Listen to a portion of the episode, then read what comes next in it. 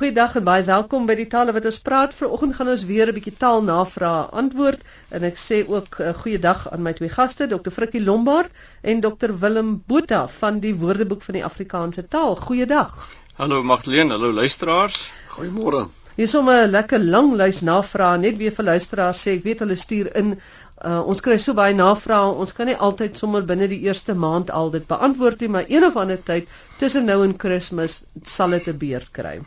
Maar Frikkie, kom ons begin by jou. Martin Jonker se ma het altyd gepraat van 'n jakkepoeker vir iemand wat snaaks aangetrek is of kledingstukke dra wat nie so lekker by mekaar pas nie. Is daar nog 'n woord soos jakkepoeker? Ja, inderdaad, Martin, daar is 'n woord soos uh, jakkepoeker, uh, ook jakopoeker, uh nie net die jakke poeker nie. En 'n mens moet maar, maar net in die regte woordeboek kyk om dit uh, te kan sien. Dit sal nie in 'n standaard woordeboek soos uh jy weet die HAT of die verklaarde Afrikaanse woordeboek staan nie. Hulle neem standaard al op, op, maar dit staan in die WAT. Dit is 'n streektaalvorm wat uh veral in die Swartland gebruik word en die betekenis daarvan is 'n onverfynde, onontwikkelde, onnet agteraf persoon. Ehm um, daar selfs 'n gedeelte van die Swartland na Koringberg se kant toe wat bekend staan as Jakob Poekerland. Nou ek hoop dit reflekteer sleg op daardie mense nie, maar nou ja. Maar dit is wat 'n Jakob Poeker is daar. Jou ma was dus heeltemal korrek.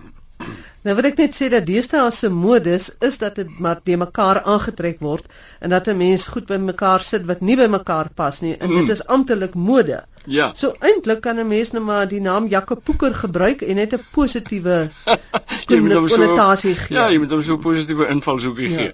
Willem Mary Du Plessis van Pretoria vra waar kom die uitdrukking dis neusie verby vandaan? Ja, dis neusie verby, uh, sê mense natuurlik as jy iets nie meer kan kry nie, as iets nie meer beskikbaar is nie. Ehm um, en eintlik is dit dit is by my neus verby. Ehm um, ek ruik dit nie meer nie. Al wat ek nog kan doen is ek kan dit ruik. Dis by my neus verby sodat ek net nog die reuk daarvan het. So dis verby my neus. Dis neusie verby, ek kan niks meer aan doen nie. Maar ek sien hierso in uh Anton Prinsloo se uitdrukkings en waar hulle vandaan kom. Daar is oor die 20 uitdrukkings met neus. Ek het nou net een bladsy gefotostateer, maar neus is besonder produktief. En dan Frikkie anoniem het gevra en uh, hy sê hy het gelees in die beeld. Nou hoop ek ek spreek dit reg uit want ek het nog nooit die woord gesien nie. Mansard dak. Wat hmm. is dit? Ja, dit is uh, ek dink ons sal in Afrikaans sal ons maklik uh, ek dink ons sal sê mansard dak. Uh nou dit is 'n bepaalde dakvorm. Uh dis is kom ek begin so, dis 'n soort saaldak of 'n geveldak dan wat twee skynsvlakke aan al vier die kante het.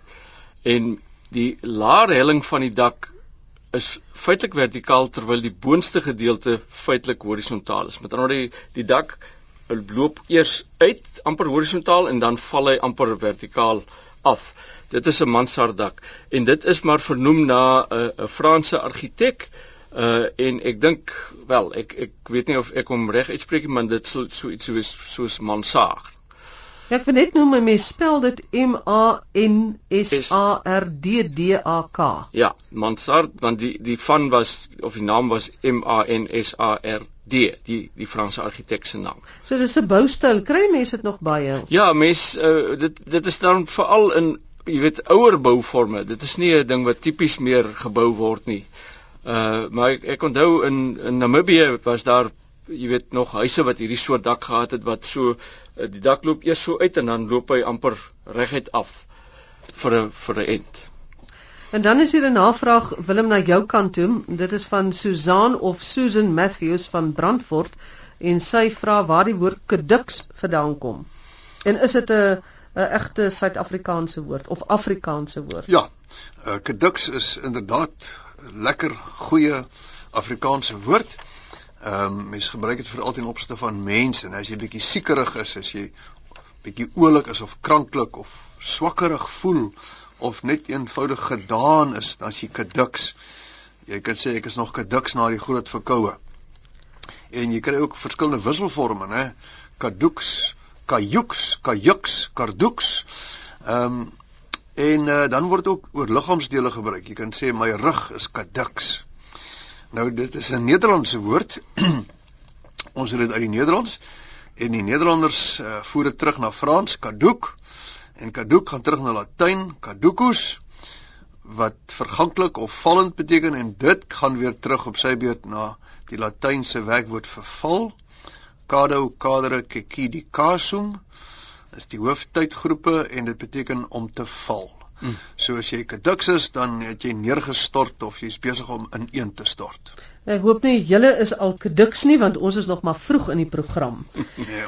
So Frikkie Rina Burnett Sy sê as jy in Afrikaans twee goed vergelyk, gebruik jy die oortreffende trap, maar baie keer hoor sy dat mense sê sê net maar byvoorbeeld in sport, die Proteas was die beter span en ek weet hierdie ding is nogal 'n tamaletjie wat al hoe meer kop uitsteek. Mm. Inderdaad. Nee, Rina uh, Rina is ook heeltemal reg as sy sê, jy weet dat uh, dat die dat dit uh, so voorkom dat jy hoor die Proteas was die beter span. En dit is natuurlik heeltemal na die Engels want in Afrikaans bestaan daar die konvensie uh, dat jy binne 'n sekere uh sinsverband die oortreffende trap gebruik. Uh 'n mens kan nie sê uh, as as op 'n dogmatiese manier dat as jy in Afrikaans twee goed vergelyk jy altyd die oortreffende trap gebruik nie want dit is nie waar nie. Uh ek meen jy kan mos daarom sê sy is beter as haar suster. Maar as jy nou die twee van hulle vat in die sin van uh van hulle twee is sy die beste. Dan sal jy dit so gebruik. En ons sal as ons twee boeke vergelyk en da, dan sal iemand vir jou vra maar watter is die beste een? En dit sal reg wees. Uh, nie as jy vra watter is die beter een of watter is die beter nie? Want dit is presies die Engelse patroon. So jy sal ook sê byvoorbeeld hy is die oudste en sterkste van die twee broers Maar jy kan daarom wel sê hy is ouer en sterker as sy broer. Dit sal daar dit sal net vreemd wees as jy sê hy is die ouer en sterker van die broers want dit is presies die Engelse patroon en dit is nie tipies in Afrikaans nie. 'n Direkte vertaling ja. wat ons probeer vermy. Inderdaad. Dan Willem in 'n vorige program het ons gepraat oor die SAIK, die naam van die SAIK of dit nou SABC of SAIK is en uh, ook oor maatskappy sonder winsoogmerk en ons het nou nie volledig daaroor gepraat nie gesê sal later weer daarby kom. En intussen het jy en Tom McLaughlin wat nou die nuwe voorsitter van die ehm um, taalkommissie is daaroor gesels. Wat jy nie net vir ons terugvoer gee nie? Ja Tom uh, wys ons daarop dat ehm um, kragtens die uitsaai wet 4 van 1999 uh eh, bestaan daar wel nog 'n Suid-Afrikaanse uitsaai korporasie. Ehm um, 'n SAIK Waar die verwarring intree is by die 3 TV kanale, naamlik SABC 1, 2 en 3. Hulle het net die een benaming SABC of SABC, maar die uitsaai koöperasie het nog steeds Afrikaanse weergawe die SAIK. En dan die maatskappy sonder winsoogmerk? Ja, dit dit gaan oor die nuwe maatskappywet uh, van 2008 waarvan sommige bepalinge eers in 2013 sal in werking tree of 2013 dan. En ek het toe per ongeluk gepraat van 'n uh, nuwe winsgewende maatskappy. En dit gaan daaroor dat jy die artikel 21 maatskappye sal voortaan bekend staan as 'n uh, maatskappy sonder winsoogmerk en nie ehm, 'n um, nuwe winsgewende maatskappy nie. Die verwarring kom by die Engels. Die Engels is 'n non-profit company. En ek hoor party mense praat van nie winsmaatskappy. Maar die korrekte term volgens die wet is maatskappy sonder winsoogmerk. En dit is vir my baie meer beskrywend ook. Ja, ja. Frikkie, um, iemand het hier 'n vraag gevra oor iets wat hy of sy gelees het in 'n koerant en dit is die laksman van die Crusaders rugbyspan, Richie McCaw. En toe wonder sy oor die laksman se herkoms en of dit so gebruik kan word in hierdie konteks, die sportkonteks. Ja, die persoon het dit in die Volksblad gelees.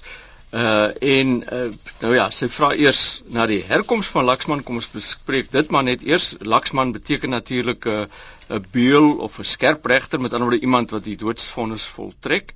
En dit kom waarskynlik via Nederlandse seemanstaal uit Maleis, laksamana uh en die Laksamana was 'n admiraal of 'n vlootvoog wat die doodsvonnis inderdaad op skepe kon uh voltrek. Sê maar iemand het op 'n skip 'n halsmisdaad gepleeg, dan was die admiraal of die vlootvoog wat die Laksamana genoem is, die ou wat bevoeg was om die doodsvonnis uit te spreek en te laat voltrek.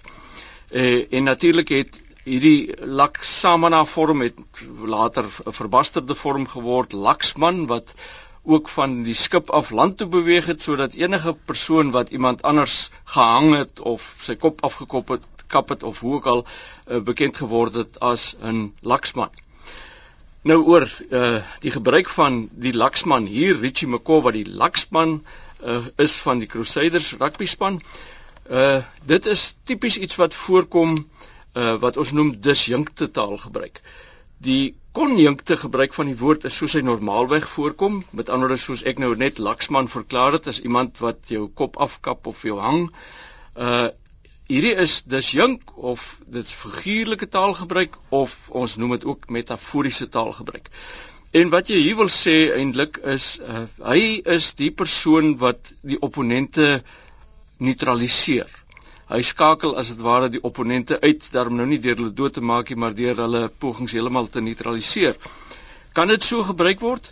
Dit word inderdaad dikwels so gebruik. Dikwels vorm gaan 'n woord van 'n konjunkte betekenis of van 'n disjunkte betekenis laat ek so begin van die figuurlike af raak hy al hoe meer ingeburger en dan word hy uiteindelik ook maar 'n normale konjunkte betekenis. Kom ek gee 'n voorbeeld.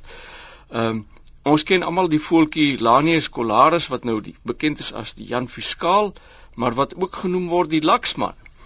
En hy is Laksman genoem juis na aanleiding van hierdie skerpregter of beul wat mense doodmaak omdat hy herinner aan so iets want hy maak sy prooi dood en hy hang hulle dan op aan skerp dorings of doringdraad. Dis tipies 'n metaforiese gebruik wat 'n normale gebruik geword het en ehm uh, ons ken almal die voeltjie laksman vandag alhoewel dit eers uh soos ek sê figuurlik gebruik is en dieselfde kan gebeur met die gebruik van die laksman soos hier in Richie McCaw se geval soos dit gebruik word.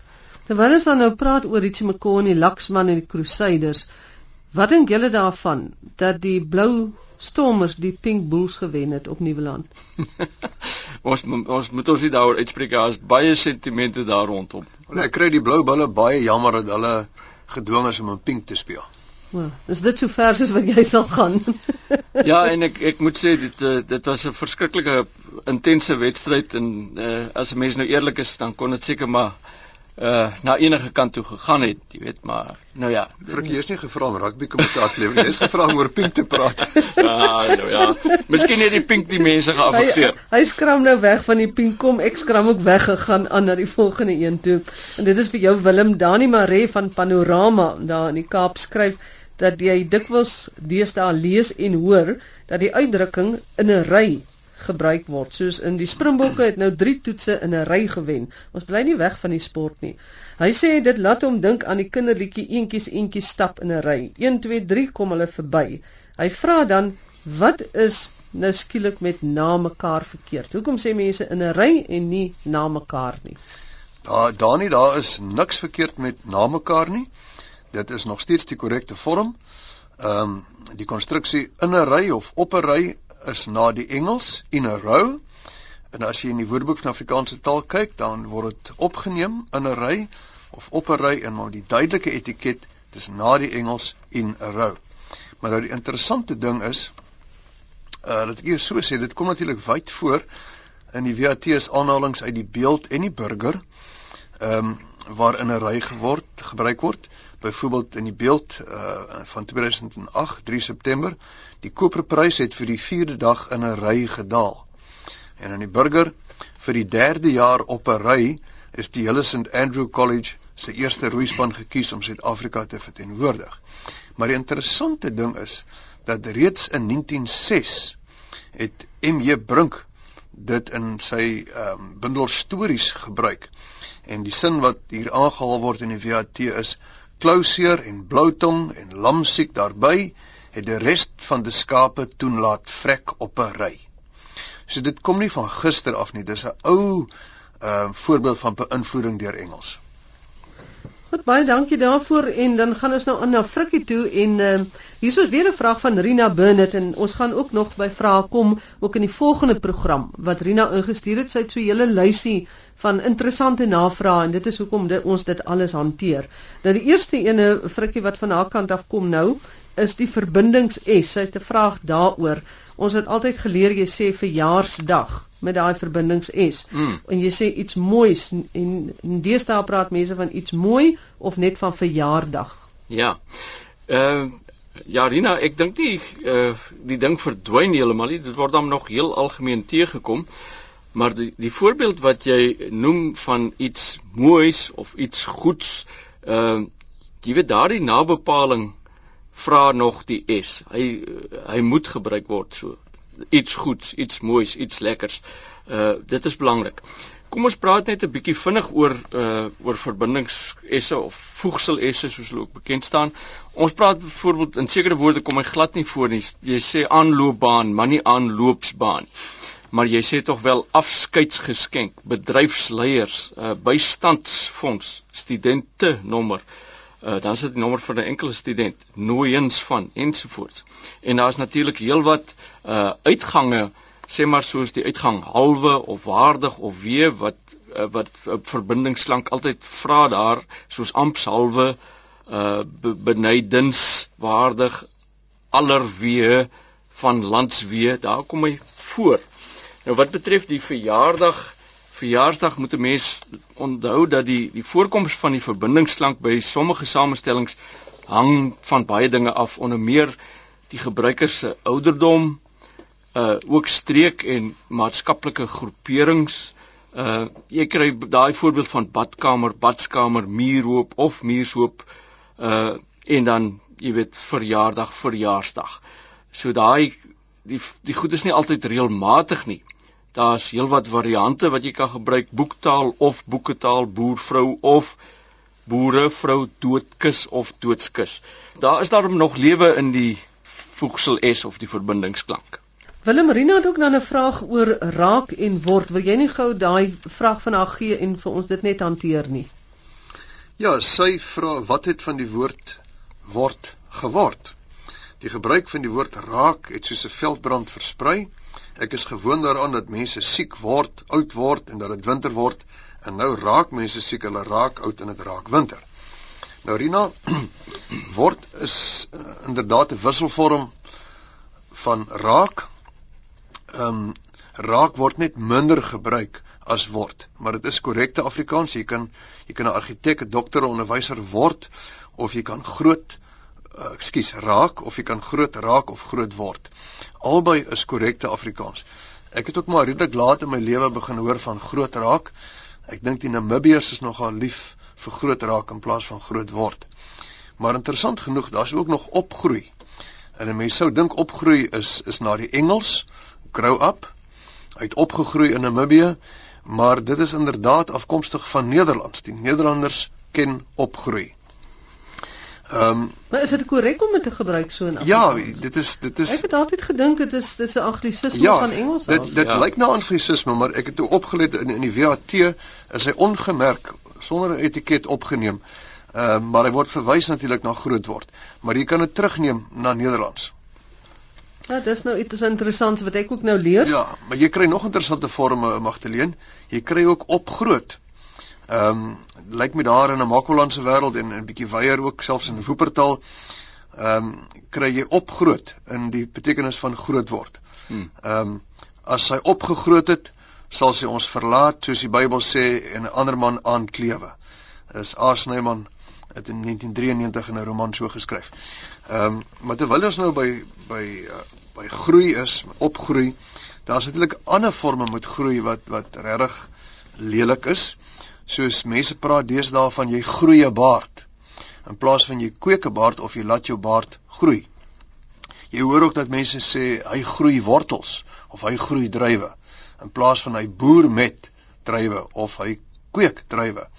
Ehm um, ek hoop nie ons beland eendag nog in die situasie wat hulle sê hy groei worsonne of hy groei pere in plaas van teel nie dan sal daar perde wees. Ja. ja.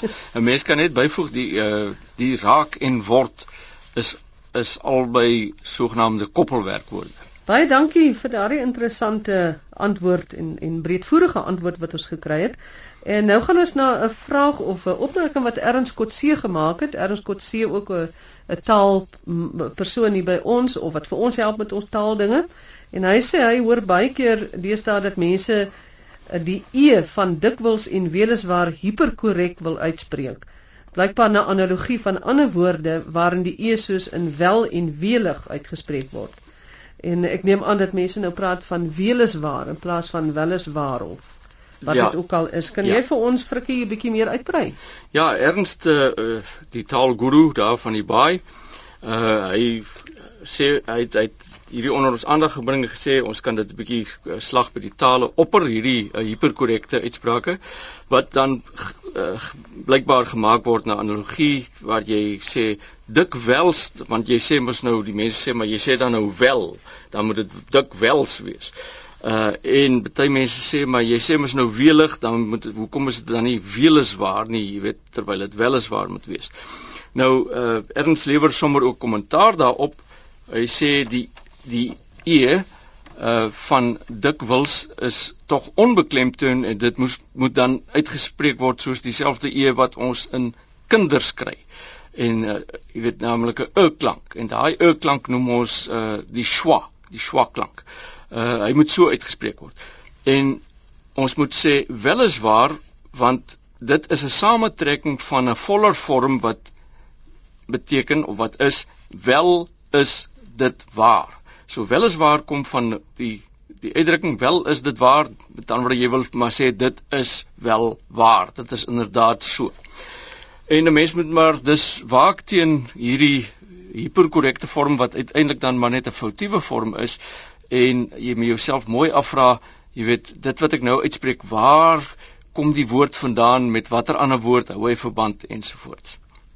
Goed, ons sluit dan vandag se taalnavraag af met uh, nog 'n vraag van Rina Burnett.